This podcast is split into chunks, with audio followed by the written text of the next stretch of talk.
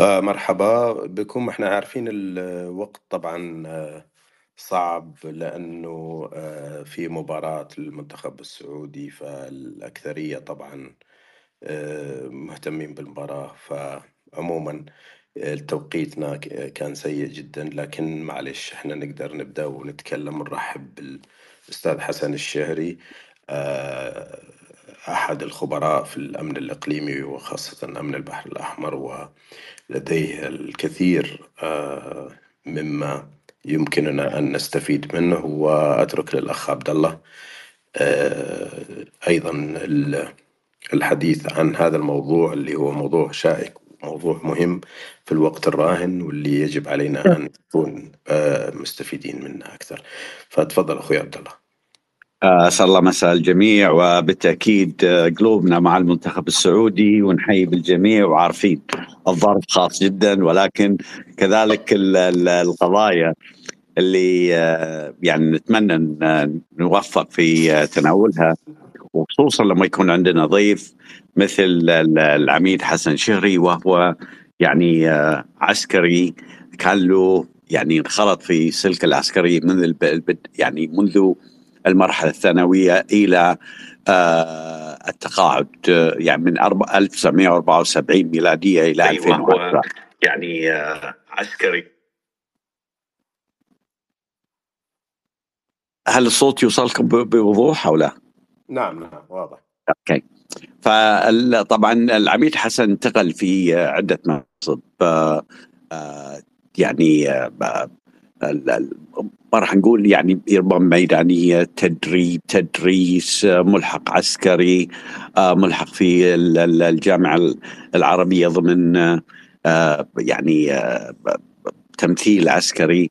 وهو يتكلم عن نفسه إنه خلينا نقول إنه بعض الأزمات يعني بعض بعد التقاعد بعض القضايا ال- ال- الإقليمية والوطنية والتحولات في عموم المنطقة فرضت عليه إنه يدخل المجال الإعلام والتحدث مخاطبة الرأي العام.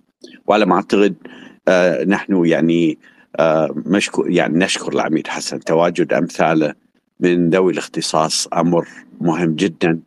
ونشكر إنه هو ضيف مساحتنا الليلة أنا والأخ أبو إبراهيم. لأنه أنا يعني إحنا اتفقنا إحنا الثلاثة ربما إنه راح يكون عندنا ربما آه، سؤال استدلالي أو افتتاحي. ولكن ما راح يكون آه، اللقاء تقليدي راح يكون استنباط الأسئلة بناء على معطيات الإجابة. وأنا متأكد إنه راح تستمتعون بلقاء العميد حسن شريف. أهلا وسهلا بالجميع وخصوصا العميد حسن. ونتمنى يعني إنه ننطلق من عملية ما هو تعريفنا أو رؤيتك أنت لتعريف موقع البحر الأحمر كمدخل للأمن الإقليمي. تفضل عميد حسن. بسم الله الرحمن الرحيم. أفضل ما أبتدي به هو حمد المولى عز وجل بما هو أهل اللث وأشكره أيضا خلقنا مسلمين واستخلفنا على هذه الأرض المباركة وقيض لنا من يحكم فينا كتاب الله وسنة رسوله صلى الله عليه وسلم وجعلنا خداما لدينه ومقدساته وضيوفه. ثم الصلاة والسلام على خير الأنبياء الأنبياء محمد بن عبد الله وعلى آله وصحبه أجمعين. آه، بداية نتقدم بالشكر الجزيل للأستاذين القديرين الأستاذ عبد الله آه، الجنيد والأستاذ عبد العزيز. الخميس من الأستاذ عبد الله من مملكة البحرين الشقيقة والأستاذ الإعلامي السعودي المعروف الأستاذ عبد العزيز الخميس لتشريفي أن أكون ضيفا على مساحتي من المباركة وبحضور أيضا الأخوة والأخوات في هذه المساحة وأرجو من الله سبحانه وتعالى التوفيق وأن أكون عند حسن الظن لمواضيع غاية في الأهمية أعمل من أجلها آه، آه، استراتيجيات وطنية وتعمل أيضا آه، من خلالها استراتيجيات وقائية وسنأتي إلى تعريف مثل هذه الأمور. ولكنها في مطابخها الخاصة. سأتحدث إن شاء الله سأتحدث عن ما يجوز الحديث فيه وما لا يجوز الحديث فيه ما لا يجوز أن يكون مادة إعلامية سنتجاوزه. وقبل أن نبتدي في في أهمية البحر الأحمر لا بد أن نتعرف أولا على آه، المحاور الثلاثة التي طرحها الأستاذ عبد الله والأستاذ عبد العزيز. الأمن الإقليمي من منظور وطني وتكافلي.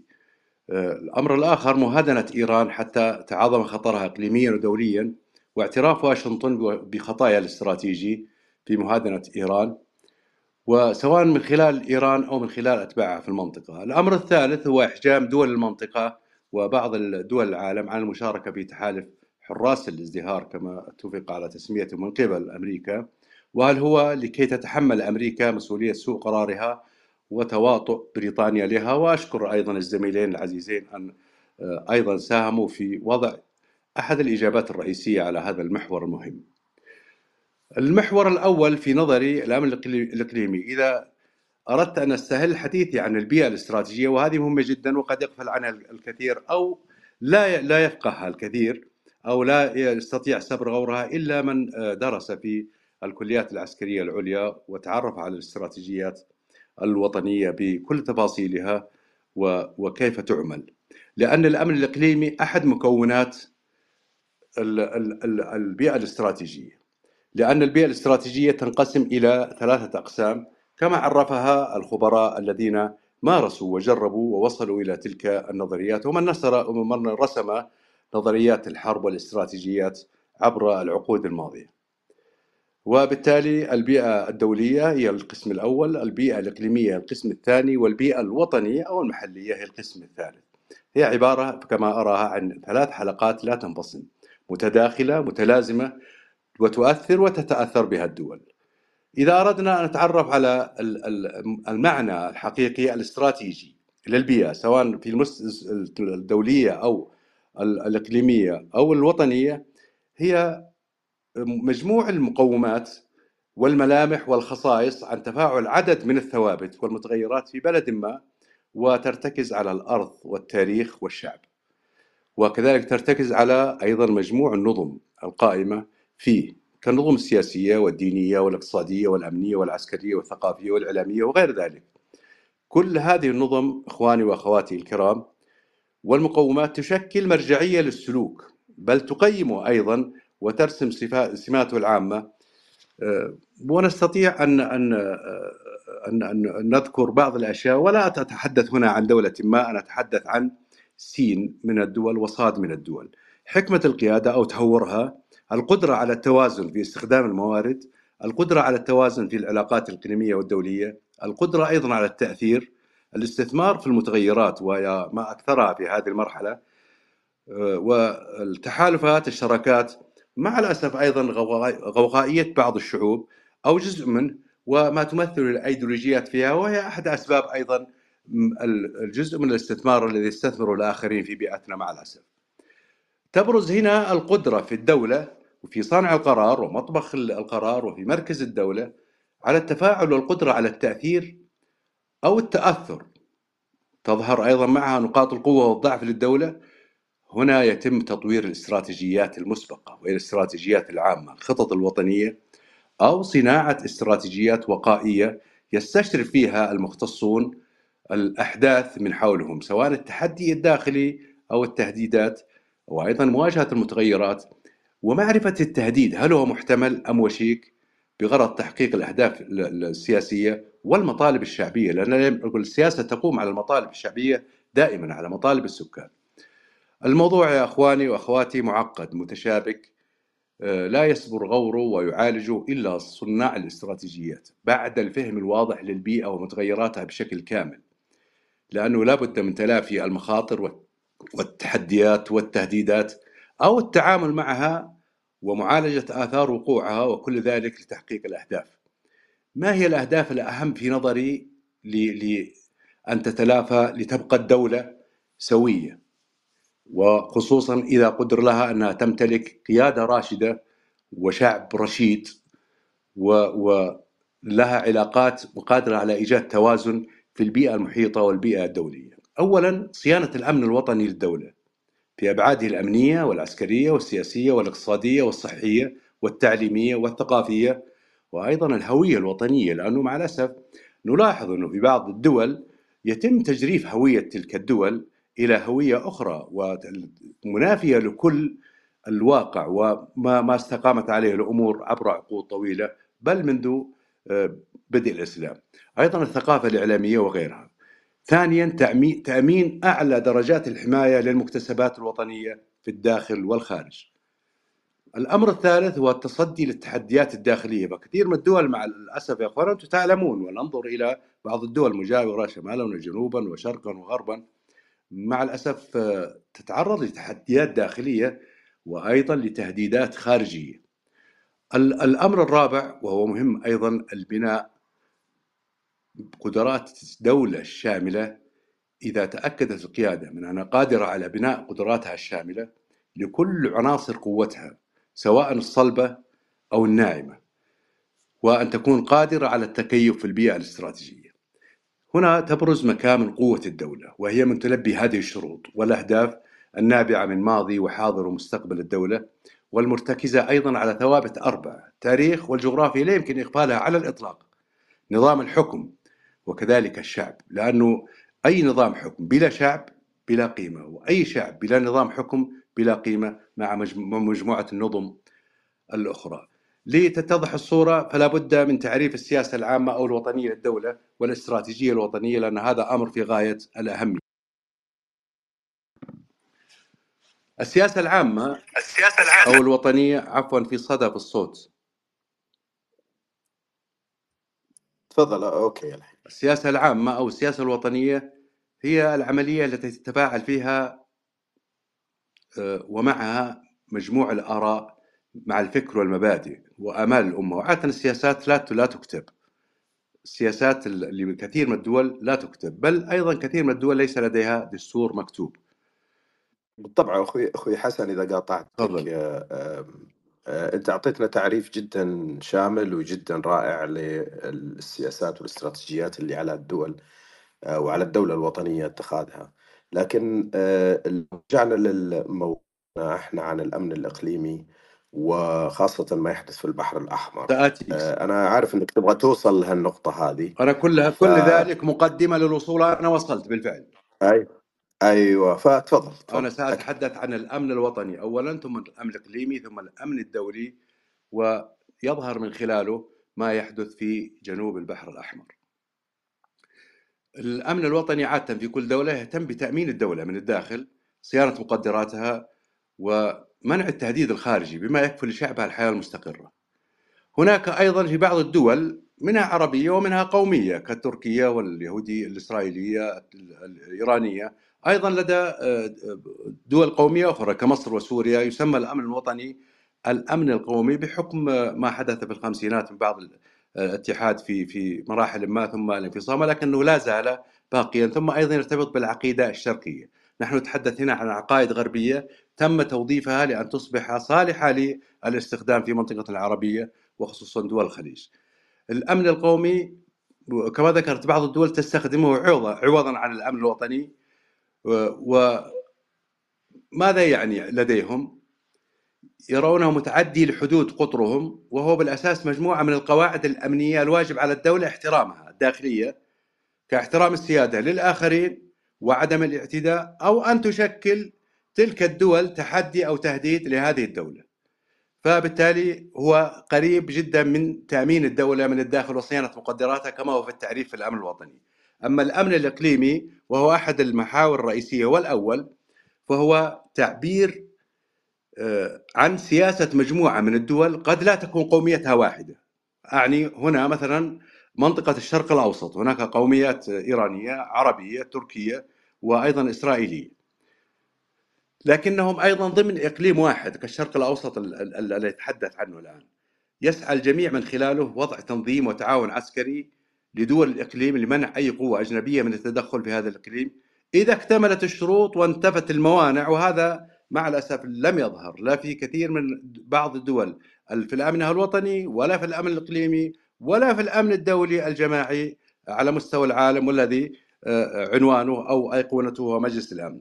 وبالتالي آه، إذا اكتملت الشروط وانتفت الموانع يصبح تحالفا عسكريا. عن هذا الإقليم وعادة تنحصر أهدافه على الدفاع عن هذا الإقليم من جانب وحماية الوضع القائم من جانب آخر. يعني لا يجوز أن نبدل في حدود أي دولة. أما الأمن الدولي فهو يقضي بضرورة الحفاظ على الوضع القائم لكل الدول وتعزيز عوامل الاستقرار العالمية لمنع تغيير الوضع القائم لكل دول العالم.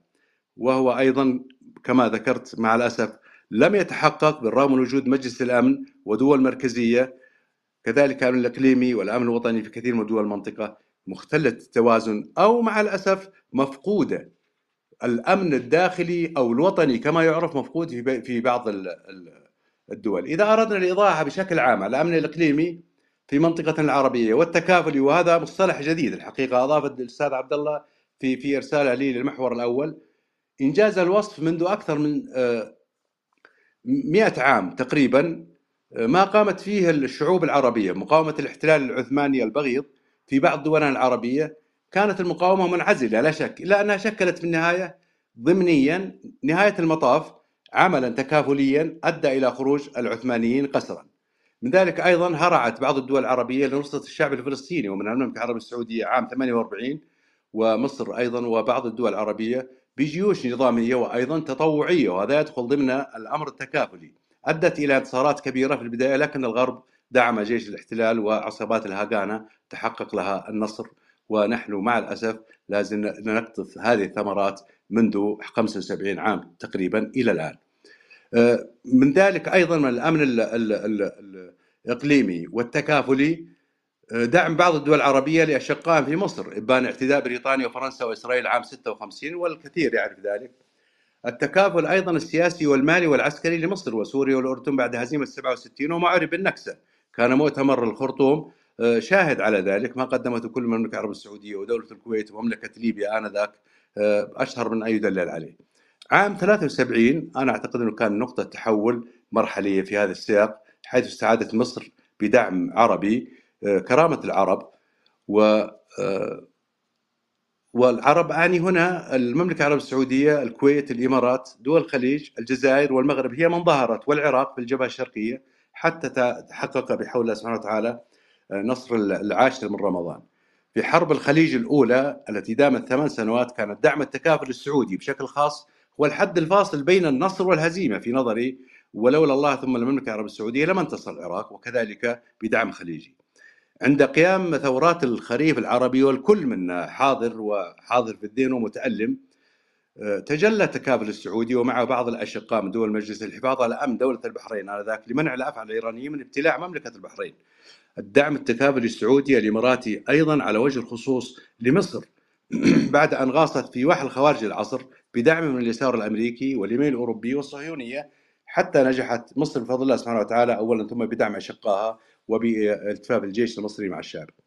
توج في النهاية سيدي خادم الحرم الشريفين الملك سلمان عشية 26 مارس 2015 آه، باستعادة هيبة الأمة بعد أن استعان به شعب اليمن الشقيق وذلك بإعلان عاصفة الحزم للتصدي لإيران ومشاريعها وهو التحالف الثاني بعد الناتو عسكريا في العالم قد نرى تحالفات لاحقة تتشكل نواتها إقليميا سعوديا باكستانيا تركيا.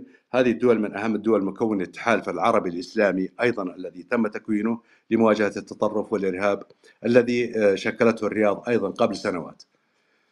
عند آه، الحديث عن أهمية البحر الأحمر. البحر الأحمر يمر من خلاله ما بين 13 إلى 15% من التجارة العالمية والطاقة وما يعادل 2 إلى 3 تريليون دولار حسب بعض الأرقام المتباينة.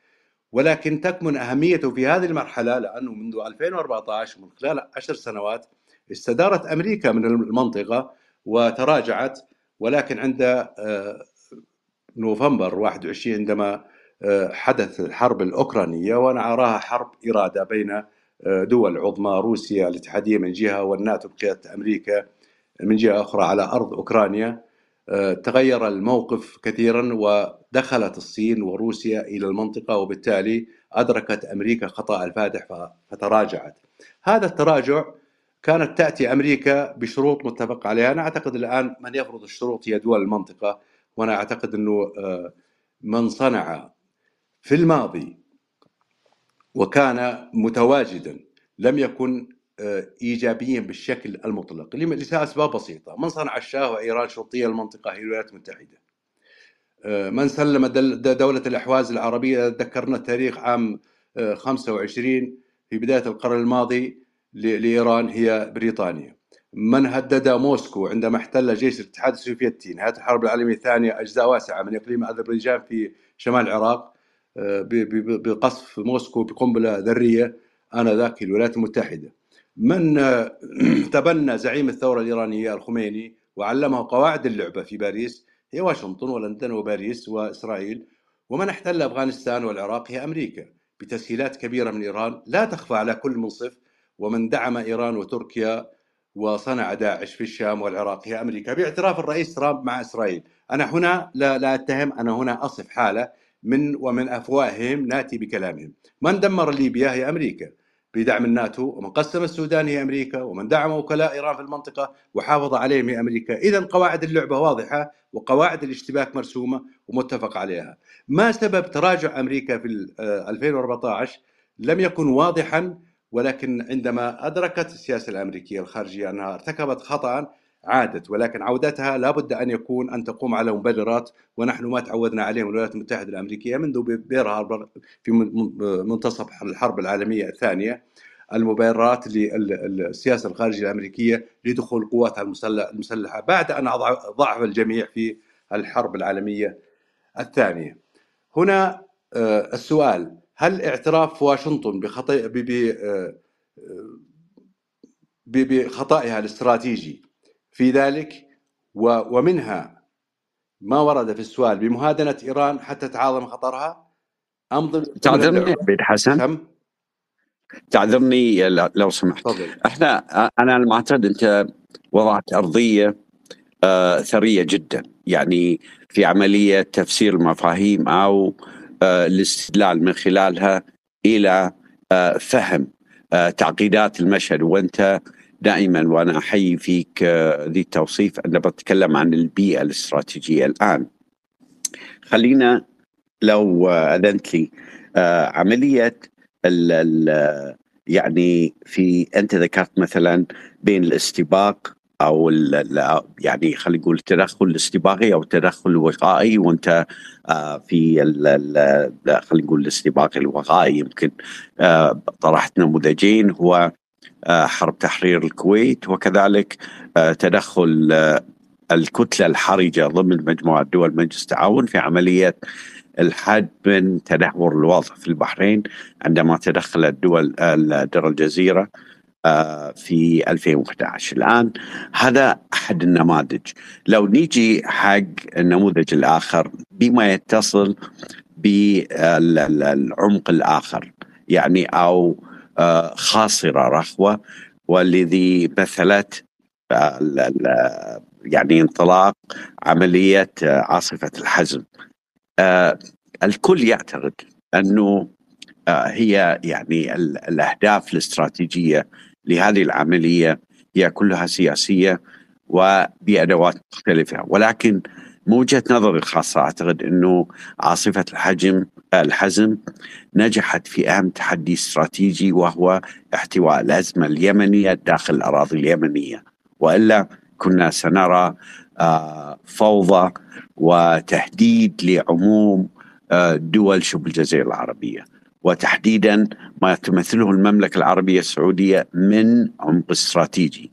الآن عندما نأتي للبحر الأحمر كيف يمكن؟ لدينا على الضفة الأخرى 12 دولة ممثلة بقواعد عسكرية وتواجد عسكري بين جيبوتي والصومال. آه، أو جيبوتي بشكل أكبر. لماذا لم يتخذ قرار؟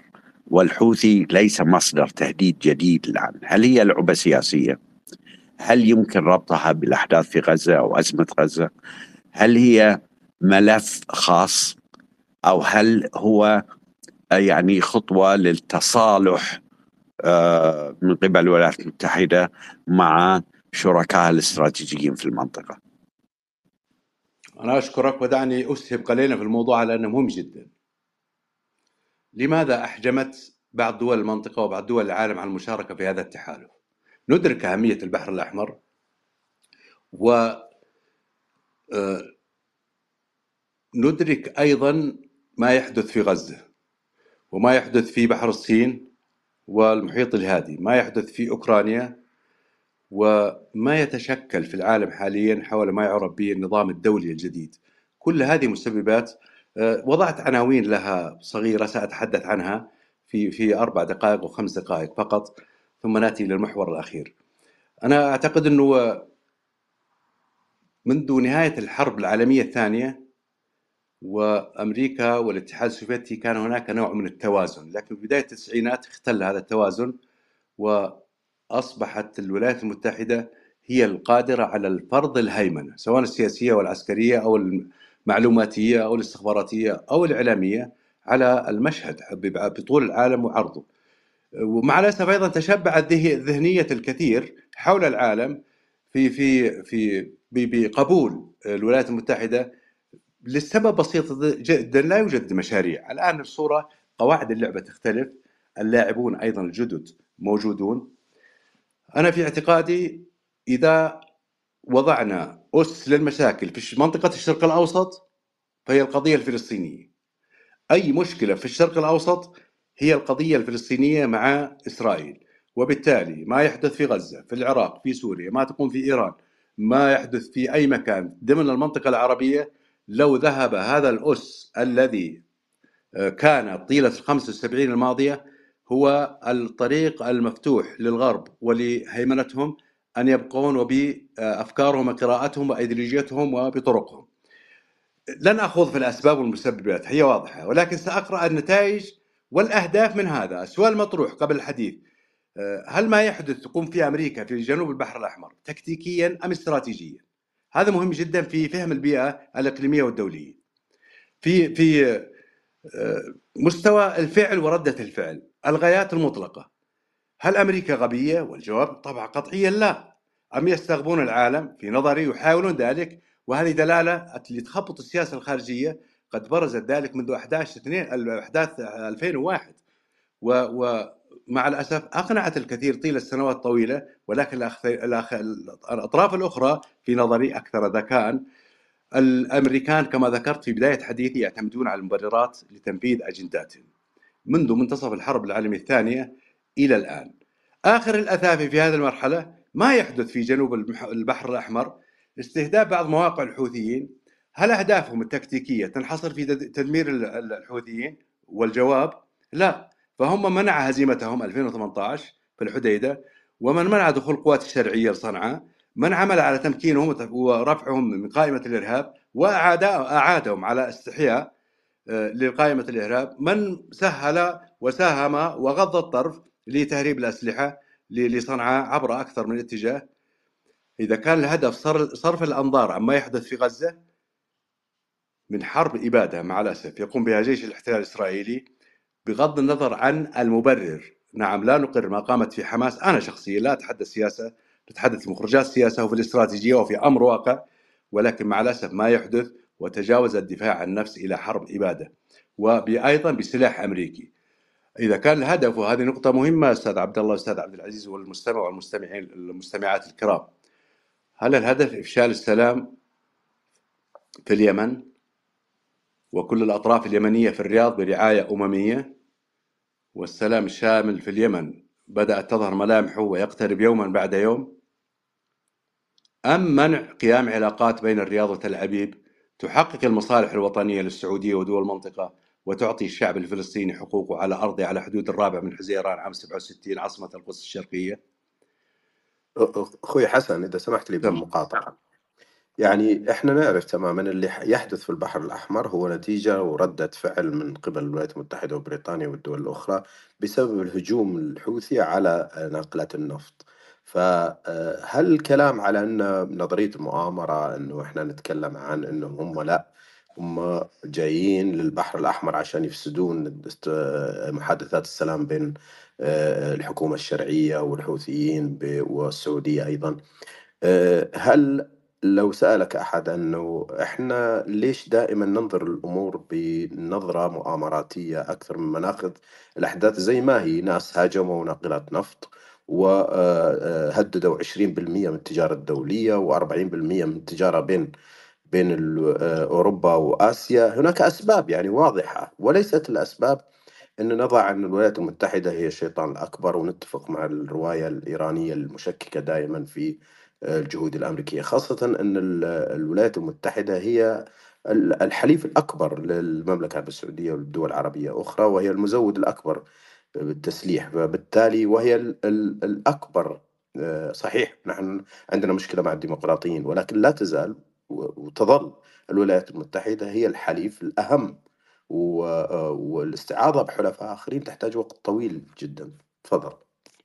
على حال لن نختلف في في المصطلحات ولكن علينا أن نقرأ البيئة بوضوح وبمصداقية لا نستطيع أن ننفي المؤامرة ولا نستطيع أن هناك خلل ما حدث منذ عهد أوباما في العلاقات الاستراتيجية بين المملكة العربية السعودية والولايات المتحدة وأيضا دول المنطقة. كل هذه الأمور لا بد أن نقرأها بوضوح في هذه المرحلة لأنه العمل سينتقل من التكتيك إلى الاستراتيجي فمنطقه الشرق الأوسط ليست إلا محطة. الأهم هو الصين الأهم هو روسيا الأهم هو التضييق على الصين والأهم هو التضييق على طرق الملاحة الدولية. وبالتالي لا نستبعد أن كل ما يحدث هو عبارة عن قواعد لعبة تعم تغيير الأولويات في أولوياتها بين كل الأطراف. وأنا أعتقد أنه أحد الرجال من من السيناتورات الأمريكية قد قال قبل بضعة أسابيع من يعتقد أن الولايات المتحدة وإيران على خلاف حاد فهو لا يفقه في معرفة العلاقات الدولية وما يحدث من تحت الطاولة. من يعتقد أن إسرائيل وإيران أيضا على خلاف حاد الاختلاف الوحيد هو حول البرنامج النووي وبالتالي من دعم إيران وأقامها وسمح لها. وإيران ساهمت وساعدت أمريكا في احتلال أفغانستان والعراق وكثير من الدول الأساطير التي نراها أستاذ عبد العزيز في البحر الأحمر والشرق المتوسط لم تظهر إلى الساحة منذ الحرب العالمية الثانية وبالتالي هي مهيئة ليست فقط استعراض القوة بين إيران والولايات المتحدة آه، هذا أمر آه، لا يمكن قبوله. نظرية المؤامرة موجودة نظرية الشراكات يجب أن تبقى والمملكة العربية السعودية تحرص دوما على إبقاء علاقات الاستراتيجية بالولايات المتحدة الأمريكية وقد قامت منذ عام 45 عند لقاء الرئيس الأمريكي روزفلت مع الملك عبد العزيز علي الشعبي بالرحمة في البحيرات المرة في مصر. وتلاه أيضا لقاء آخر لم يأخذ حظه من الإعلام مع لقاء الملك عبد العزيز رحمه الله مع الرئيس سيرشل في في الفيوم.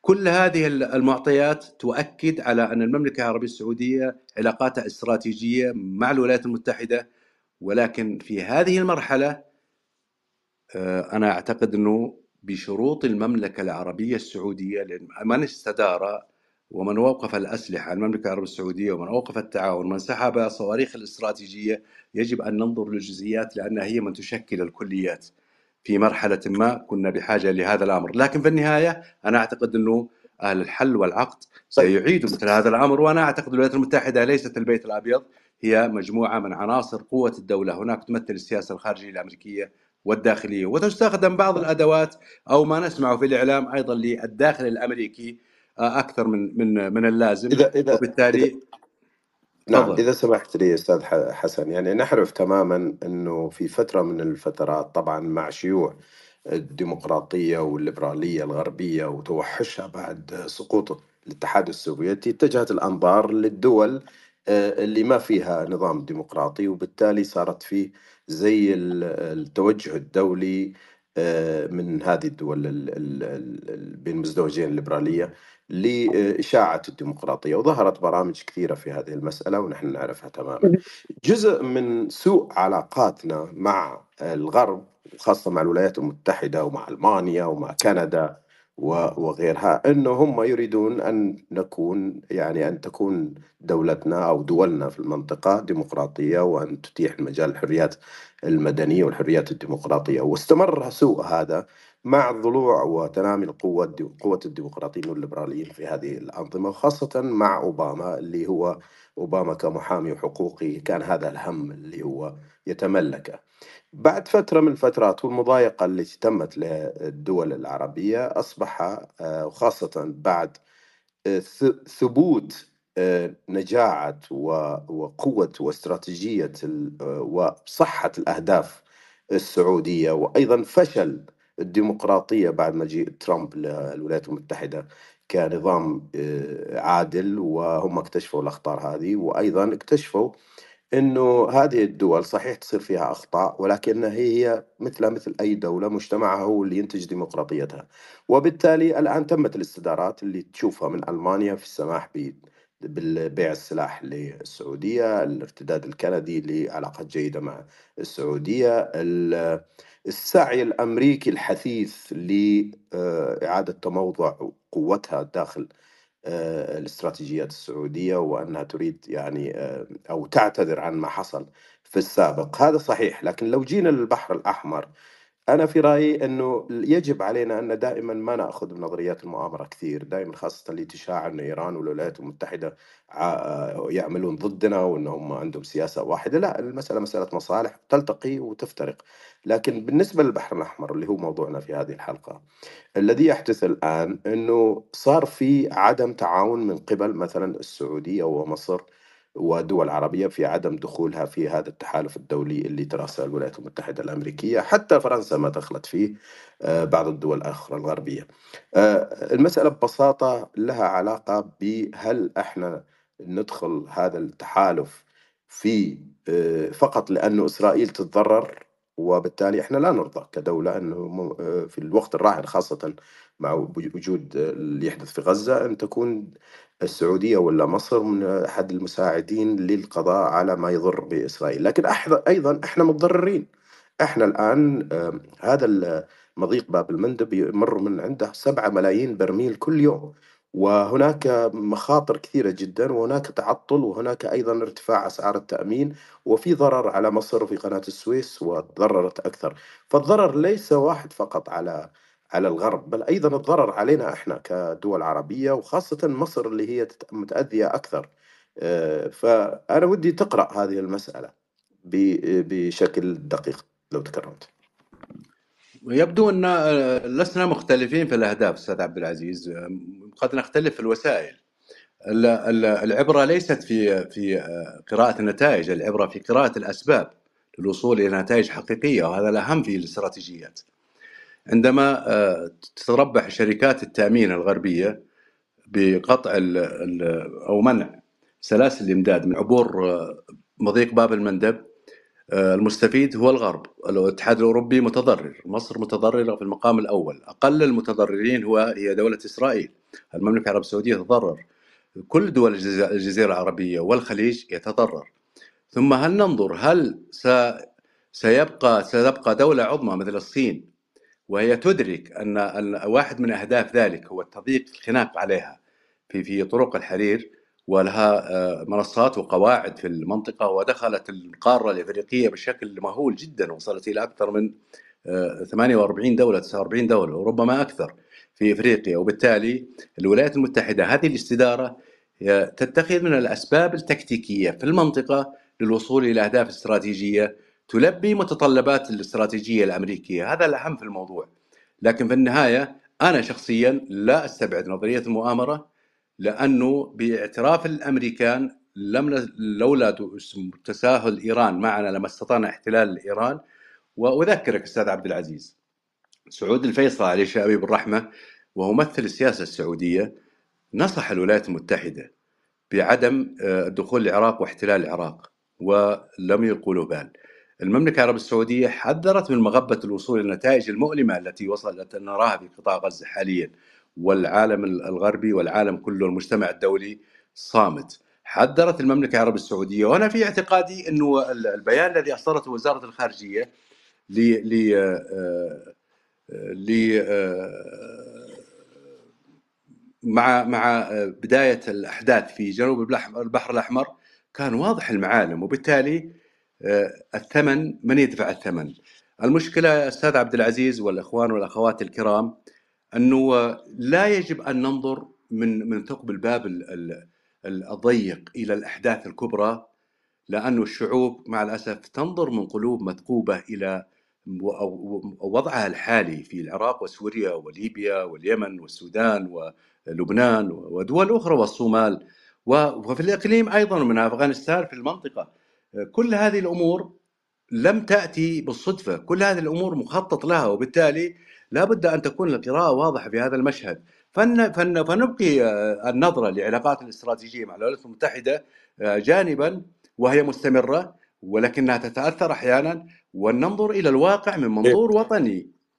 إلى إلى إلى مبتغيات كل الدول المنطقة وبالذات المملكة العربية السعودية التي لها رؤية 2030 والتي الكثير من أو البعض من الدول لا ترغب أن تكون المملكة العربية السعودية بهذا المستوى ومن استمع إلى لقاءات قادة مراكز الدولة في المملكة العربية السعودية في في الوزراء في منتدى دافوس يدرك أهمية ما يطرحون وماذا يهدفون إليه وبالتالي لن تقبل المملكة العربية السعودية المشاركة في تحالف وغير واضح المهام والأدوار ومجهول الهوية. أنا عسكري وأدرك وأعلم ما هي مهام وأدوار القوة المشكلة سابقا من القوة 150 و151 و52 و53 وقادة المملكة العربية السعودية قادتها الإمارات قادتها مملكة البحرين قادتها مصر قادتها دول كثيرة جدا بطول العالم وعرضه. لكن في النهاية هي لا تتدخل في ضمن مهامها في الدول. المملكة العربية السعودية لا تقبل أن تستهدف أهداف داخل اليمن في هذه المرحلة. والشعب اليمني بمكوناته وممثليه في الرياض برعاية أممية آه، للوصول إلى سلام. ويلبي كل متطلبات الشعب اليمني في هذه المرحلة. ما تلا ذلك فهذا شأنهم. شمالا جنوبا دولة واحدة. هذا شأن يمني خاص والكل طيب سيذهب ما يصلون إليه. لكن في النهاية تفضل. إذا سمحت لي يعني في ناس تتساءل وتقول إنه وأعود لنفس لب المسألة اللي هذا البودكاست عنها أمن البحر الأحمر. في ناس تتساءل تقول البحر الأحمر عربي والبحر الأحمر في السعودية مصر الأردن السودان آه، جيبوتي آه، اليمن. البحر الأحمر ملك للعرب. لماذا هذه الدول الغربية تجي تتدخل عشان تحمينا من القرصنة اللي يعملوا لنا؟ تحميه وأيضا تدافع. أين هي الدول العربية عن حماية هذا البحر اللي هو ملكها؟ واللي هو المفروض من البداية وليس من الآن أن يكون هناك قوة عربية في البحر الأحمر تصون أمن البحر الأحمر وتوقف أي عبث فيه. هذا عدم التعاون العربي آه، يشكل شيء غريب جدا بالنسبة لأي دولة. هل الدول العربية ضعيفة؟ اللي مطلة على البحر الأحمر ضعيفة إلى درجة أنها ما, ما قادرة تتعاون مع بعض. هل هي فقط مناكفة أيضا للولايات المتحدة بسبب ما حصل؟ من بريطانيا والولايات المتحدة حينما حاولوا إصدار أو أصدروا الأمر مجلس الأمن في إيقاف الدخول للحديدة واتفاقية السلام آه، الحديدة بين الشرعية وما بين الحوثيين. آه، وبالتالي موقف هذه الدول خاصة السعودية مناكفة للولايات المتحدة. آه، ما أدري في ملفات كثيرة الناس تتساءل عنها وتبغى موقف عربي يكون انطلاق من هذه الأزمة. وتواجد عربي وتعاون عربي في قوة عربية تحمي البحر الأحمر لأن البحر الأحمر عربي في النهاية. تفضل. شكرا. ومع كل ذاك وهذا وما أوردته أستاذ عبد العزيز آه، هناك إضافات من خلال قراءتي أنا الشخصية للبيئة. دعنا فقط أشير إلى البيان السعودي دلالاته.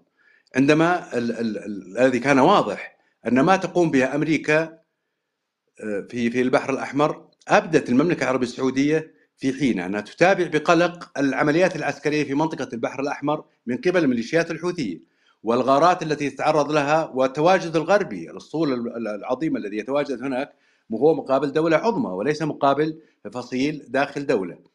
الغارات اللي تعرض لها أيضا عدة مواقع في الجمهورية اليمنية. أكدت المملكة العربية السعودية على المحافظة على أمن واستقرار منطقة البحر الأحمر لماذا؟ لأن حرية الملاحة الدولية فيه مطلبا دوليا ليس مطلبا إقليميا إنما مطلبا دوليا لمساسها بمصالح العالم أجمع دعت المملكة لضبط النفس تجنب التصعيد لماذا؟ لأن المنطقة أيضا مليئة بالأحداث لكن دعني أعيدك إلى قبل سنوات المملكة العربية السعودية صدت لهذا الأمر واستدعت قادة الدول المشاطئة البحر الأحمر من الشمال الأردن ومصر والسودان بالإضافة إلى جيبوتي والصومال واليمن بالإضافة إلى المملكة العربية السعودية كراعية لهذا الأمر ولكن أين هذه الدول؟ آه، مصر لديها ظروفها الاقتصادية كل نسأل الله أن يكون في عونهم. السودان أصبح شذر مضر. آه، جيبوتي دولة صغيرة آه، تتواجد فيها قوى إقليمية ودولية في في مكان واحد. اليمن نشهد ما يحدث فيه منذ 2011 وبالتالي البحر الأحمر رغم أهميته إلا أنه مع الأسف الدول المشاطئة للبحر الأحمر غير قادرة. ولكن ان ان ان ان, أن تقوم بحمايته بشكل كامل لأنها ليست مسؤولية الدول المشاطئة بشكل كامل. هي مسؤولية خاصة أما المسؤولية العمومية فهي مسؤولية عالمية لأن هناك مياه دولية ومضايق بحرية عالمية آه، أسست لها الأمم المتحدة آه، ما يؤصل ويؤطر حمايتها من قبل المجتمع الدولي بشكل كامل. بالتالي المملكة العربية السعودية قامت بما يجب عليه. لكن أنا في نظري في هذه المرحلة في نظري أنا كمراقب أنه المملكة العربية السعودية ستبقي على علاقاتها مع طهران وتدعم وقف النار في اليمن والهدنة وتدفع المكونات اليمنية التي تحاور في الرياض منذ فترة برعايه الامم المتحدة. آه، بغيه الوصول إلى سلام شامل يحقق متطلبات كل الأطراف. الجمهوريه اليمنية. أنا أعتقد أنا أعتقد إنه ما يحدث يحدث إرباك وأنا أعتقد إنه ليس استراتيجيا إنما قليل الدسم. وإن وأؤكد هنا أن لا يخلو من نظرية المؤامرة على دول محددة في المنطقة في مستوى تكتيكي في الاستراتيجية الأمريكية والغربية. ومع الأسف نرى بريطانيا دولة عظمى تبقى تابعة للولايات المتحدة في كل مكان تتحرك فيه. وصولا إلى تحقيق أهدافها إن استطاعت في المشرق. عمي حسن تفضل. أنا سأختلف معك في آه، قراءة البيان الرسمي الصادر عن وزارة الخارجية السعودية فيما يتعلق بالعمليات إذا عدنا إلى صيغة البيان ودلالاته فسوف نجد أنه يخاطب الدبلوماسية الأمريكية أو الموقف السياسي الأمريكي من كافة القضايا الإقليمية عندما يدعو جميع الأطراف يعني المذنب والبريء بنفس اللغة بعملية ضبط النفس. فلذلك تعمدت المملكة العربية السعودية استخدام وتوظيف نفس المدلولات اللغوية دبلوماسيا فيما يخص الموقف من اليمن. ونعم هناك مسار آه، سياسي نتمنى أن يصل باليمن إلى بر السلام. ولكن عندما نتحدث عن قدرة أو الإرادة. يعني يمكن أنا أتفق كثيرا مع أبو إبراهيم في عملية أنه توجد إرادة آه، إقليمية وأهم أدوات هذه الإرادة هو آه، تعزيز مكانة الاستقرار في في العموم الإقليم. ولكن يجب أن لا يتم النظر للتحديات مثل ما يمثله الحوثي أو إيران بشكل غير مباشر في عملية إيصال الموقف السياسي الضاغط بربطه بأزمة أخرى فإن هذا أمر مرفوض ويجب التعاطي مع مصدر التهديد قد نختلف مع الولايات المتحدة أنا أختلف مع الولايات المتحدة في الكثير من سياساتها ولكن أعتقد أن الولايات المتحدة جاءت متأخرة جدا في عملية محاولة تصحيح ولكن هذا التصحيح يبقى سطحيا في عملية التعاطي مع الحوثي لأن الأس هو إيجاد حل سياسي حقيقي. والولايات المتحدة وبريطانيا وللأسف لا زالتا تلعبان آه، على متناقضات لا تمت بهذه المرحلة التاريخية بصلة ويجب أن يكون أن تكون الحاكمية في عملية أي مقاربة إقليمية تكون مرتكزة على أساس المصالح المتكافلة بين جميع الأطراف وليس مصلحة طرفي المعادلة أو طرف الولايات المتحدة على حساب دول الإقليم وحتى اليمن. عندما نتحدث عن أمن البحر الأحمر هناك ثقل ووجدنا المملكة العربية السعودية والكل للأسف يعني لم يدرك ابعاد العملية في عملية إخلاء الأجانب من بورت سودان. آه الكل كان ينظر لعملية القوافل في عملية نقل هذه الحشود من جميع الجنسيات إلى آه موانئ السعودية. ولكن لم يدرك أو يعني لم يسقط الضوء على ما هي دلالات هذه العملية لأن جميع الدول الكبرى آه يعني اعترفت بالدور المركزي والقيادي في هذه العملية ليس فقط في عملية الإجلاء ولكن تأمين الأعماق المطلوبة برا وجوا وبحرا وتحت البحر حتى. فإحنا لما نجي حق عملية الأمن في البحر الأحمر وأنا اضم صوتي لصوت أبو إبراهيم هذه مسؤوليتنا نحن. نعم نملك الأدوات الخشنة في تمثيل هذه المصالح ولكن كيفية مخاطبة الرأي العام العالمي كذلك تأتي مهمة وهناك الكثير من الحضور الآن يريد توجيه أسئلة لك. فبعد الإجابة على هذا السؤال سنفتح المساحة للأسئلة من الحضور. اختلافي آه، معك أستاذ عبد الله والأستاذ عبد العزيز آه، هو توافق لأني أكدت على أنه قد نختلف في الأسباب والوسائل لكن لكن لا نختلف في النهايات المملكة العربية السعودية ودعت على لسان سمو ولي العهد أن تبقى منطقة الشرق الأوسط خالية من زعزعة الأمن والاستقرار ونعرف من هي الدولة التي تقوم بذلك وأدواتها ووكلائها في المنطقة. ندرك ذلك. ما ما تقوم في الميليشيات الحوثية في البحر الأحمر ليس صوابا وليس بإرادتها. من يقوم في ذلك هم مختصون من إيران ومن حزب الله في, في, في تلك المناطق. لكن هل أمريكا ستقوم بتدمير هذه الميليشيات في اليمن؟ الجواب لا. قطعا. من الآن لا. ممكن تضعفهم ولكن ستبقيهم لأنه من دعمهم في الماضي ومنعهم من الهزيمة لن يرضى بزوالهم. وبالتالي فلنعود إلى مخرجات مؤتمر كامبل الذي آه، عقد لمدة عامين وخرج منه عدة مبادئ ومنها دعم الأقليات. هذا أمر وارد. لا يجب أن نغفل التاريخ ولا يجب أن نتحدث عاطفيا يجب أن نتحدث عن واقع مؤلم. المملكة العربية السعودية دعت على أن لا يكون منطقة الشرق الأوسط مسرحا للقتال بين دول مركزية دولية وإقليمية من خلال أدواتها في المنطقة وأن لا يكون حرب مسرحا للحرب الوكالة. هذا مهم جدا. لكن السؤال هل يصغي المجتمع الدولي لمثل ذلك؟ أنا أؤكد أن ما يحدث في المنطقة ليست إلا أهداف مرحلية تكتيكية للوصول إلى غايات استراتيجية للوصول لمحاولة إضعاف الصين أو روسيا. هناك نظام عالمي جديد يتشكل ولم يعد يرضى العالم بقطبية واحدة آه، تهيمن على العالم وبالتالي الكل يبحث عن مخرج ولكن أيضا بالطرق السلمية. لن نفقد علاقاتنا بالولايات المتحدة ولا بريطانيا وهم شركاء استراتيجيين ولكن لسنا حلفاء. آه، ثانيا لن آه، تتراجع وتتوقف المملكة العربية السعودية عن مسؤوليتها في تصدر المشهد في المنطقة بالقيام بما واجب عليها وهي تقوم بذلك وبالتالي من أجل غزة جمعت كل الدول العربية والإسلامية لم تتردد دوله في أن توافق على البيان الختامي الذي تطالب فيه بهذا البيان الصريح والواضح. آه، انبثق عنها لجنة يقودها سمو وزير الخارجية السعودي جابت الأرض شرقا وغربا لمحاولة الضغط وحصلنا على مخرجات قيمة من الأمم المتحدة وإن كانت غير ملزمة ولكنها أيضا مؤثرة في البيئة ثم أن ننظر أيضا للبيئة العالمية الرأي العام الدولي الآن أصبح حاد ضد الغرب في مشاكل فلسطين بل يتحدث الأمريكيين أنفسهم والبريطانيين والإسرائيليون وغيرهم حول مع الأسف هذه الأخطاء الاستراتيجية التي ترتكب. المملكة العربية السعودية تنصح دائما والرئيس كارتر أتى إلى الرياض في قبل عقود وقال نأتي إلى الرياض نستاد من حكمة القيادة السعودية. هذا هو واقع يجب أن نعززه ونعظمه عميد عميد حسن انت ما اجبتني عن تجربة البحرية السعودية أو القرار السعودي في ماذا مثلت تلك التجربة؟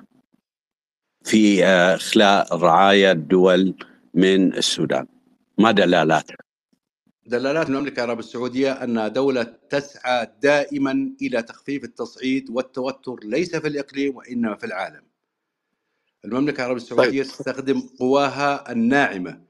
للمساعدة لكل دول العالم. ما حدث في السودان مع الأسف أمر مؤلم والمملكة العربية السعودية استطاعت منفردة وسط الجمع ضمن قوة دولية لم تستطع أن تخرج آه، رعاياها من السودان. والمملكه العربية السعودية بادرت إلى ذلك لأنها ترتبط بعلاقات والكل يثق فيها داخل السودان وبالتالي ساهمت في إخراج المئات بل الألاف من هناك. هذا أمر طبيعي للمملكة العربية السعودية. لا تتوقف عند هذا الحد. المملكة العربية السعودية سياساتها عابرة للحدود حول العالم والكل يدرك ذلك. المملكة العربية السعودية تساهم في تخفيف التصعيد في أوكرانيا ولها أعمال أيضا في تبادل الاسرى هناك. المملكة العربية السعودية آه، قبلت ضمان الصين لإيران في مرحلة ما وعادت العلاقات معها. بغية الوصول في المستقبل ليس ضرورة. ما حدث خلال 30 عام أو 40 عام لا يمكن إصلاحه في ظرف سنة أو سنتين فلننتظر نفس السياسي السعودي آه، طويل جدا وحكيم ومتوازن ولا يذهب إلى إلى إلى إلى التصعيد المملكة العربية السعودية تسعى دائما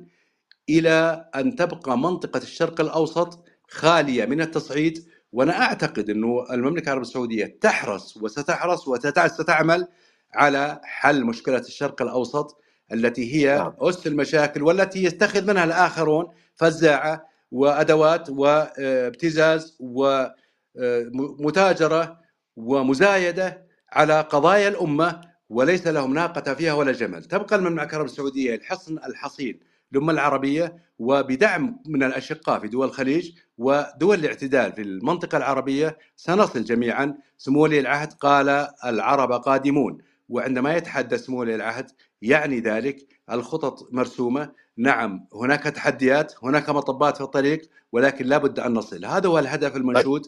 علينا كرجال إعلام ومتابعين واستراتيجيين وأمنيين ورجال استخبارات أن نتحرى الصواب دائما والا نخجل من الحقيقة ولكن الا نصل إلى الحدود أو السقف الذي لا يجوز الحديث عنه.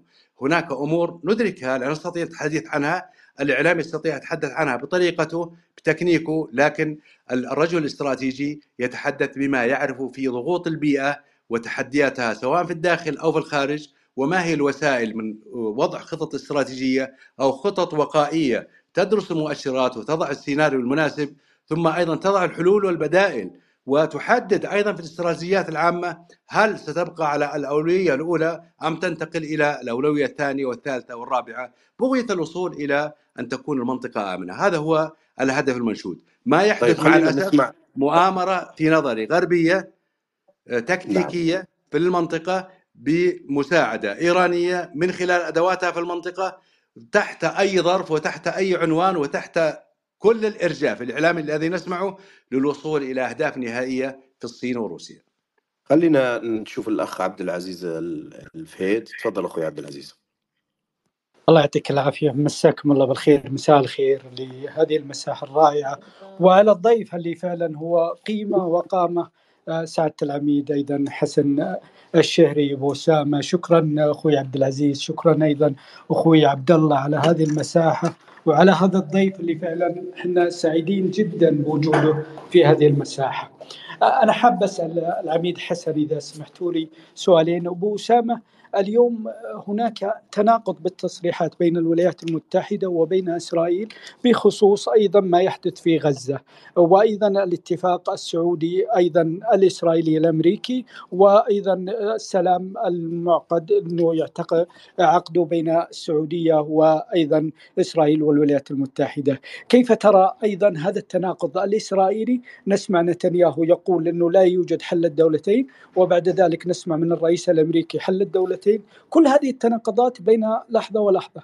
أيضا في الآونة الأخيرة شاهدنا عمليات وعمليات متقنة لأيضا المخابرات الإسرائيلية أنها اصطادت كثير من الصيد الثمين في أيضا في سوريا وفي لبنان وهذا الصيد يعتبر أيضا صيد ثمين سواء من قادة حماس واليوم إسرائيل تصرح إنها قضت على نسبة بين 20 إلى 30% من أيضا عناصر حماس، كيف أيضا ترى المشهد؟ هل فعلا كما قال رئيس الوزراء الإسرائيلي إن الحرب مستمرة إلى عام 2025 وأيضا وجود أيضا رجل جديد في البيت الأبيض سواء اعاده انتخاب بايدن أو عودة الرئيس ترامب؟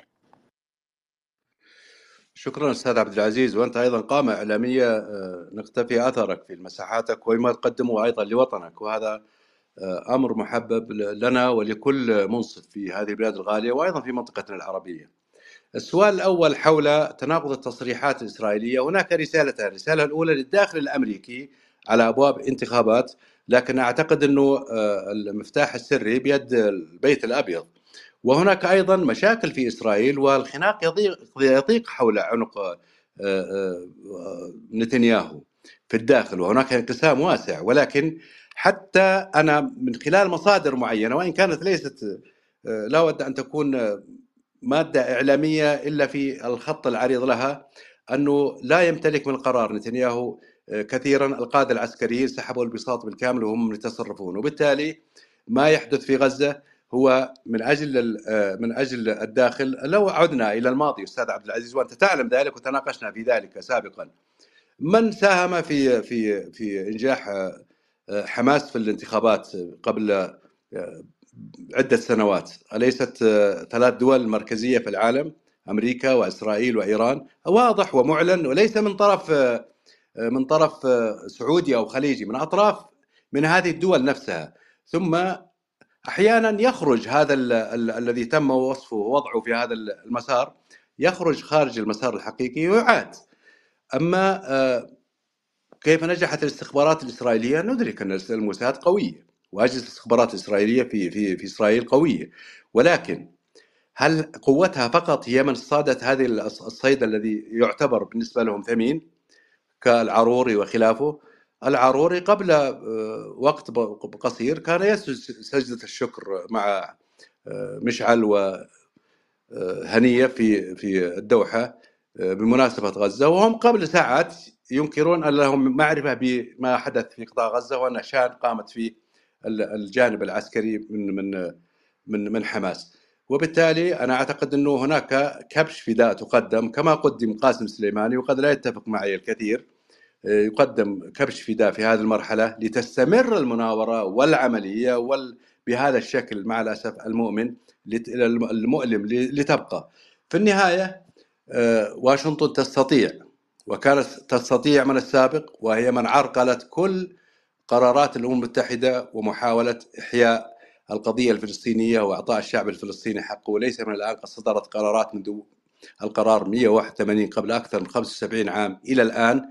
الولايات المتحدة استلمت الملف الإسرائيلي من بريطانيا وبالتالي إسرائيل هي في نظري وقد لا يكون هذا الأمر حقيقا لكن هي نجمة غير واضحة في العلم الأمريكي. وبالتالي هذا أمر واضح. ما يحدث في جنوب البحر الأحمر ليس فقط للدفاع عن إسرائيل. ولن تقبل دولة آه، عربية أن تقوم بهذا العمل والشعب الفلسطيني يحترق. السلام مع إسرائيل أشار سمو العهد في إحدى حديثه الصريحة والواضحة أن إسرائيل قد تكون حليف محتمل وبالتالي هذه القراءة الاستراتيجية من سمو العهد ينظر للمستقبل بواقعية. إسرائيل دولة واقع لا نستطيع إنكارها وإن كانت مغتصبة للأرض في يوم من الأيام ولكن يعترف فيها أكثر من 160 دولة في العالم وأصبحت واقعا.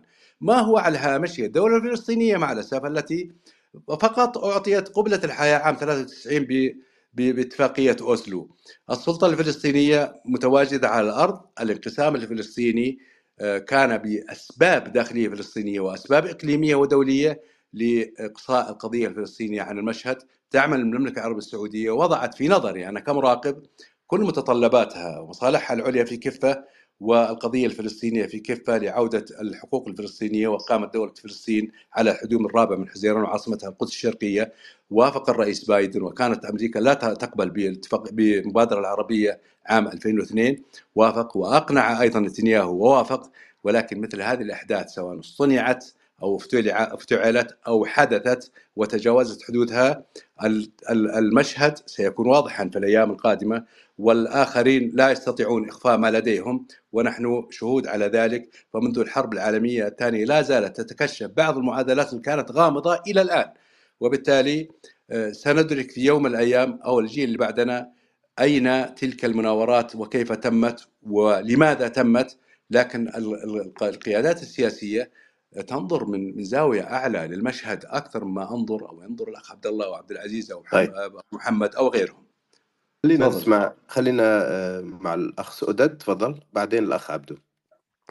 أطيب تحية لكم جميعا وأشكر آه، بودكاست الأسئلة الصعبة الذي يمتلك السحابة. تمطر أفكار تكريسية بعيدا عن التكديس الإيديولوجي. وأشكر سعادة عبد العزيز الخميس وكذلك الأستاذ عبد الله جنيد. سؤالي لسعادة العميد وكسبت شرف الفرصة بتواجدي معه. آه، كيسنجر سيدي أشار أن الطائر الأمريكي في السياسة يمتلك جناحان جناح التنبؤية وجناح البرغماتية.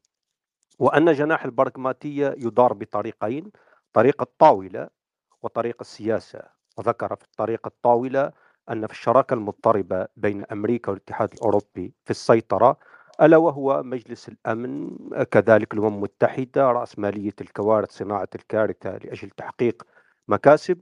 وكذلك أشار إلى القوة الناعمة والقمح والبترول ال resource wars هل أمريكا في مقدمتك الجميلة عن السياسة الدولية مثل ما أشار هانس مورغانثاو ألا وهي بناء الدولة ذاتيا والمصلحة القومية؟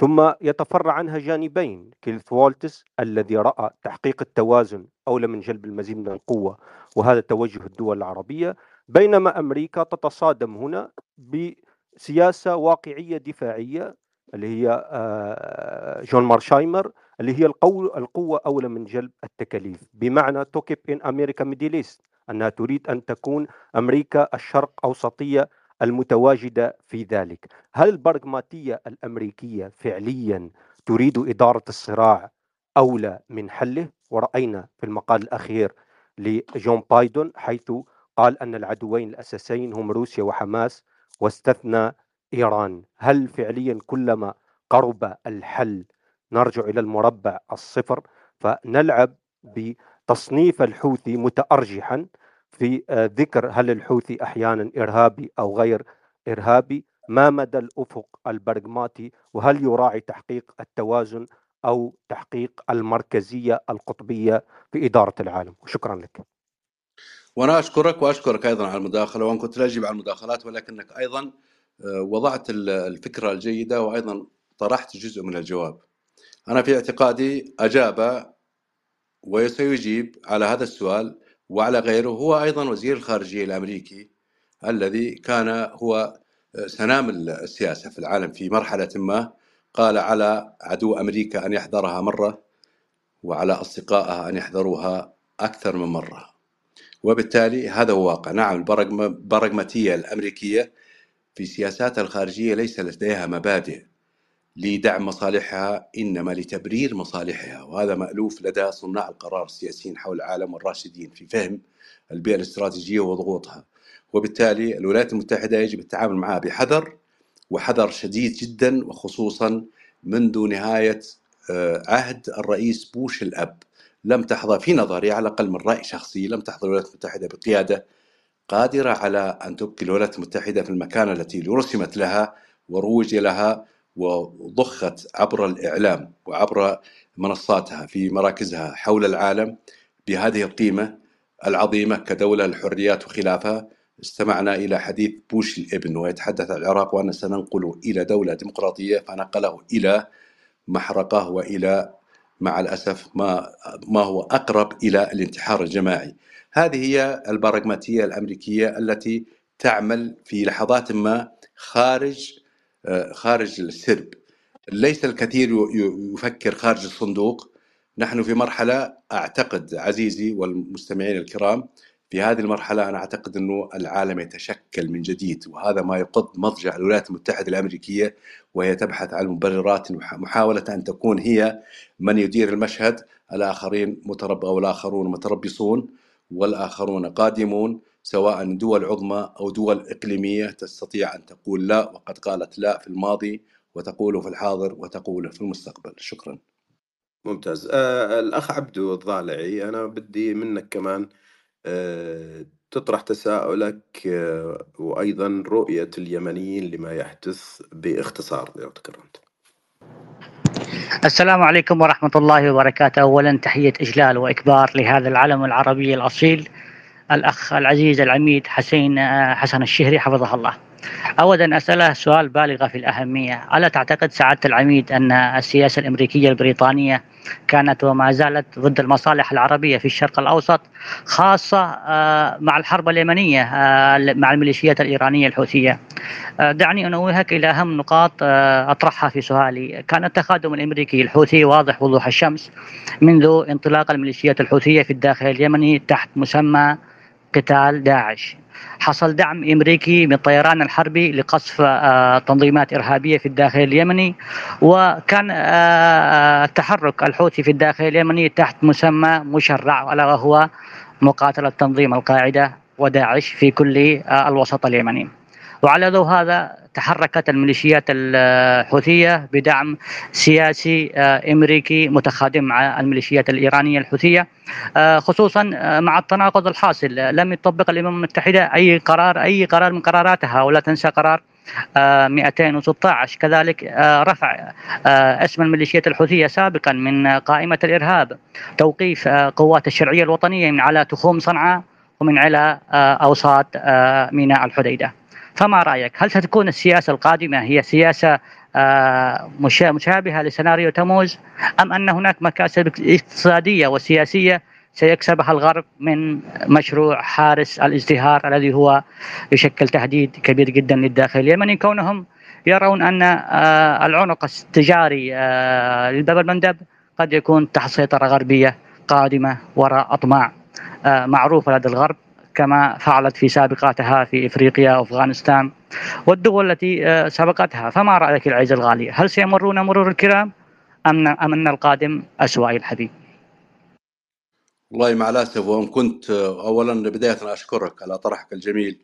باركك الله. ولكني دائما أكون متفائلا ولكني متشائم في هذه المرحلة لأنه في نظري المشهد خطير جدا ليس على مستوى المنطقة وإنما على مستوى العالم. أنا أعتقد أنه منذ أزمة كورونا والدول الكبرى تتربص لبعض وبالتالي عام 24 قد يكون بداية لتحول جيوسياسي خطير جدا حول العالم وتغيير شامل في قواعد اللعبة وبروز دول وأيضا تأثير في الجغرافيا. هذا أمر لا يجب أن نغفله على الإطلاق ولا يجب أن نكون عاطفيين في بعض النقاشات أو الحوارات، الأمر جلل وما يحدث في اليمن مع شديد الأسف. تحدثنا عنه وأنت أيضا أضفت ذلك قبل قليل.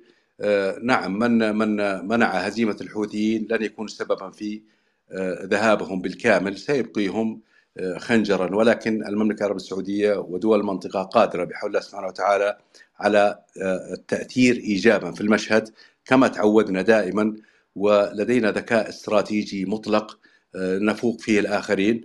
وألمانيا أشارت قبل يوم من الآن أن لا يمكن تجاوز المملكة العربية السعودية وأشارت أنها رقم صعبا وهي ألمانيا التي كانت تتخذ مواقف سلبية باتجاه المملكة العربية السعودية. وقس على ذلك في كثير من دول العالم. أنا أعتقد أنه علينا أن أن أن تكون بوصلتنا متحركة بكل الاتجاهات لكل الدول التي تدعم الأيديولوجية ومن لا تدعم الأيديولوجية وتذهب إلى المصالح. وأكد دائما أن سياسات الدول الراشدة وعلى رأس المملكة العربية السعودية ودول الخليج ودول الاعتداد العربي سياساتها الخارجية ترتكز مبادئها السياسيه لدعم مصالحها لا لتبريرها وبالتالي نختلف ويكون هناك بون لكن نستطيع أيضا أن نردم الفجوات ونصلح الاعوجاج في العلاقات الدولية بما يتناسب مع متطلبات الدول.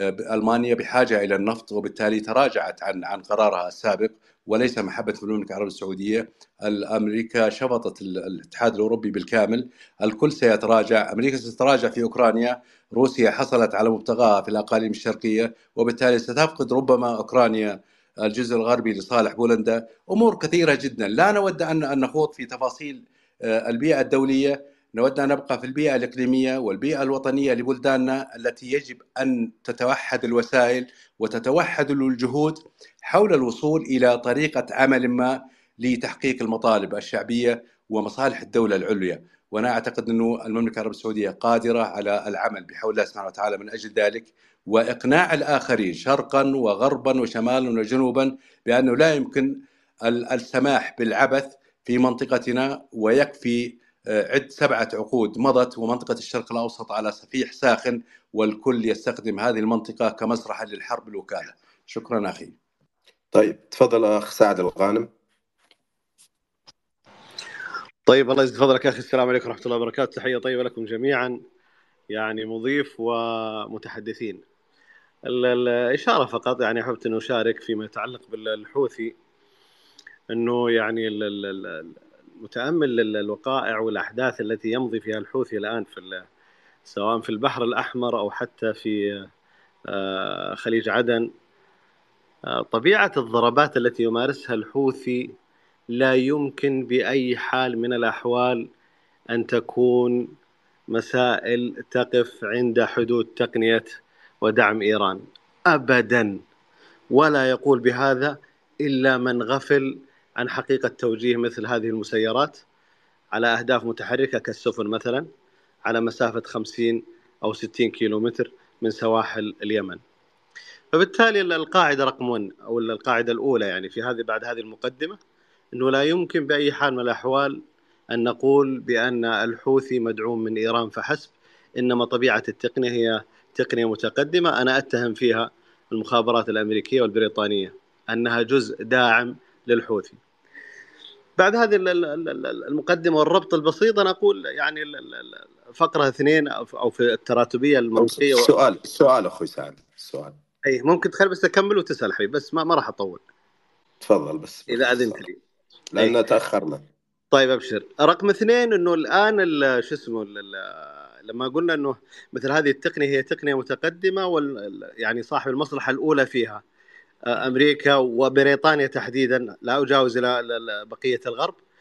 المقدمة الثانية يقول إنه بالضرورة أن أمريكا راضية كل الرضا على كل ما يفعله الحوثي في البحر الأحمر وخليج عدن وبالتالي أمريكا تريد أن تنمي الحوثي في قابل الأيام. وأنا أعتقد أن الحوثي أمريكا تعول على أن يقوم الحوثي بأدوار أعظم مما يتصوره كثير من الناس. وأنا بالضرورة طيب. أعتقد ومتيقن وأختم أنه القيادة السعودية يعني سبرت هذه المسألة وعرفتها خصوصا في حرب اليمن على مدى ثمان سنوات. تفضل سؤالك. تفضل. أخوي حسن. آه، كما أكدت قبل قليل أنا أحترم كل الآراء والمداخلات لكن لا أجيب إلا على الأسئلة. هل هل لدى الأخ العزيز سؤال؟ طيب أجل نروح للأخت يسرى.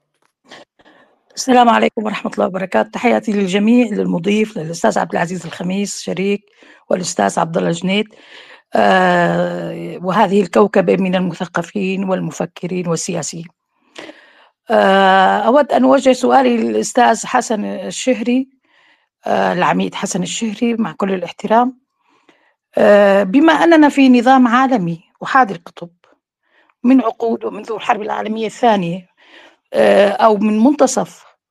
آه، يعني بعد مضي عدة عقود من إدارة العالم بثنائية القطب وفشلت وبدأت الولايات المتحدة تقود العالم مع الغرب في نظام عالمي آه، إلى اليوم ما يزال فاعل.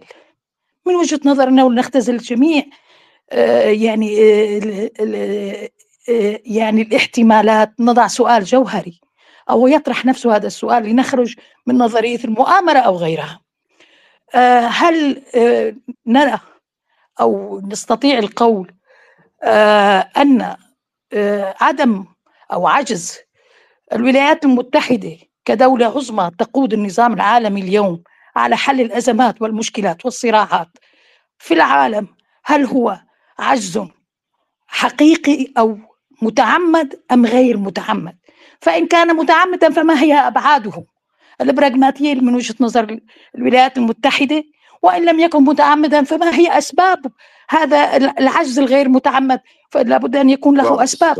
هو أيوة فهل هو يعني الأسباب له تعود إلى اليوم اختلاف الحلفاء أم أنه عجز في التنظير السياسي اليوم للولايات المتحدة أم أنه يعني يعود لأسباب أخرى عديدة أرجو يعني خلينا نسمع الإجابة من سياده العميد تفضل.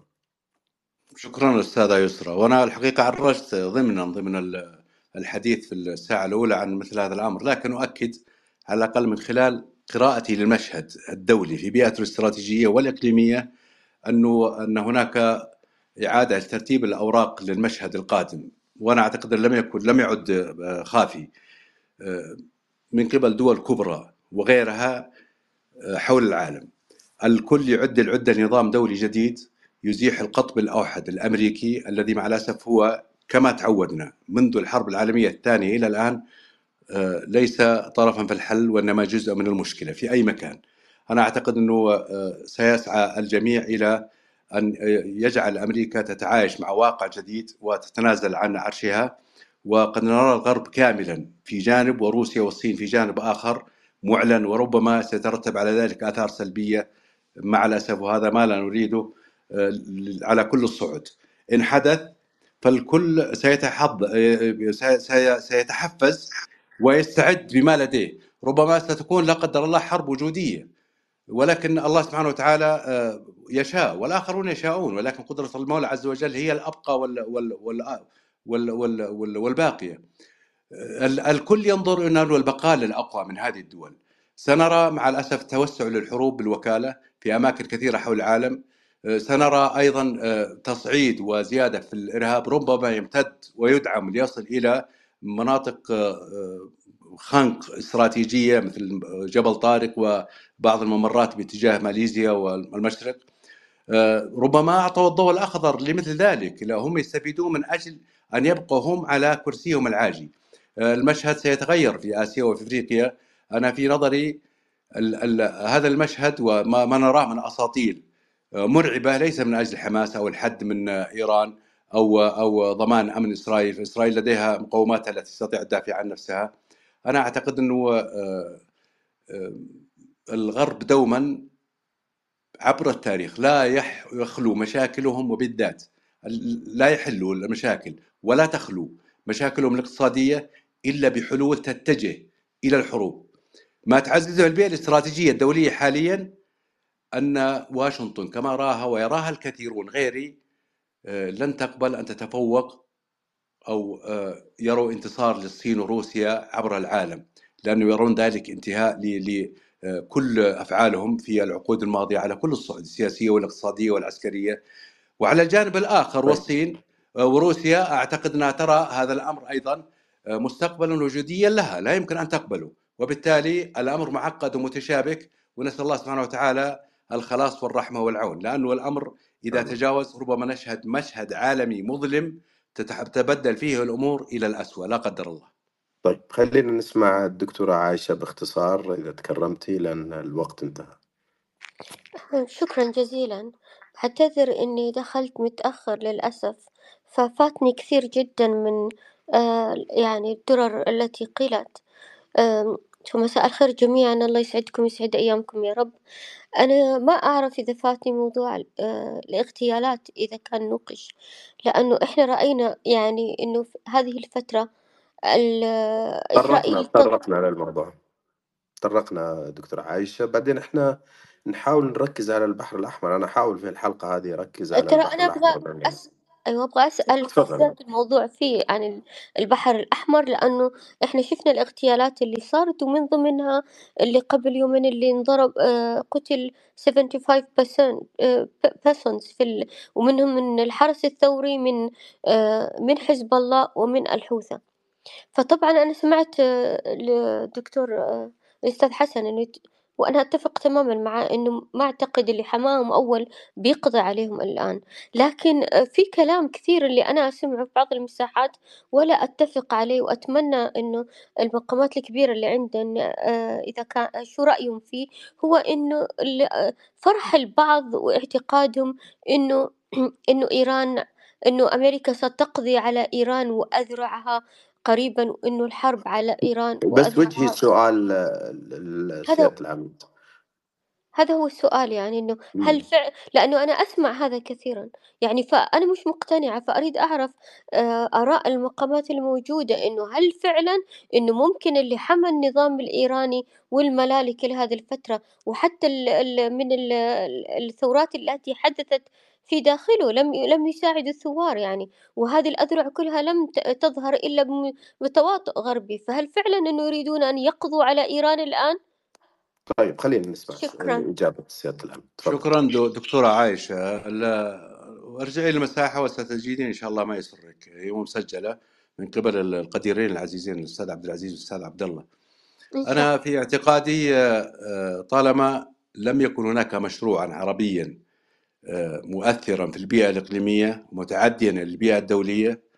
فأنا أعتقد أن إيران ستبقى بعبعا في المنطقة وصنعت من أجل ذلك. ولكن إذا كان هناك مشروع مقابل في نظري ستعمل أمريكا وغير أمريكا روسيا والصين آه، من أجل تصحيح مسار السياسة الإيرانية وتصويب سياستها وإعادتها لشكل الدولة آه، بدل شكل الثورة. وهذا هو الهدف المنشود والذي يجده كل راشد. شكرا. طيب اترك الأخ عبد الله الختام. اولا آه، أمير حسن شكرا على قبولك هذه الدعوة. تطرقت إلى الكثير من المواضيع. كنا نتمنى أن نترك مساحة أكبر من ناحية الوقت ليكون هناك تداخل لأنه الكثير كان ينتظر أن يتحدث لك أو يوجه أسئلة مباشرة. أنا أعتقد أنه آه، ما ختمت به قبل لحظة وهو عملية عدم ترك ال ال أي شكل من أشكال الفراق الإقليمي ويجب أن يكون لهذا الإقليم إرادته الوطنية التي سوف تفرض على باقي اللاعبين سواء الإقليميين الدوليين احترام هذه الإرادة وأن تمارس هذه الإرادة بكل الأدوات من الدبلوماسية السياسية وحتى السياسة الغليظة بأدوات السياسة الغليظة إن لزم الأمر ذلك. مرة أخرى أشكر العميد حسن وأترك الإقلاق المساح وشكر وتوجيه رسالة أخيرة لأخي أبو إبراهيم. شكرا لك أخ عبد الله وشكرا للعميد حسن. أطلعنا على كثير من الآراء صحيح نختلف معها أو نتفق لكن هي آه، في النهاية من خبرة وأيضا من معاصرة للعمل الاستراتيجي آه، في المملكة العربية السعودية ونتأمل إن شاء الله كل خير ونراكم في مساحة أخرى. إلى اللقاء.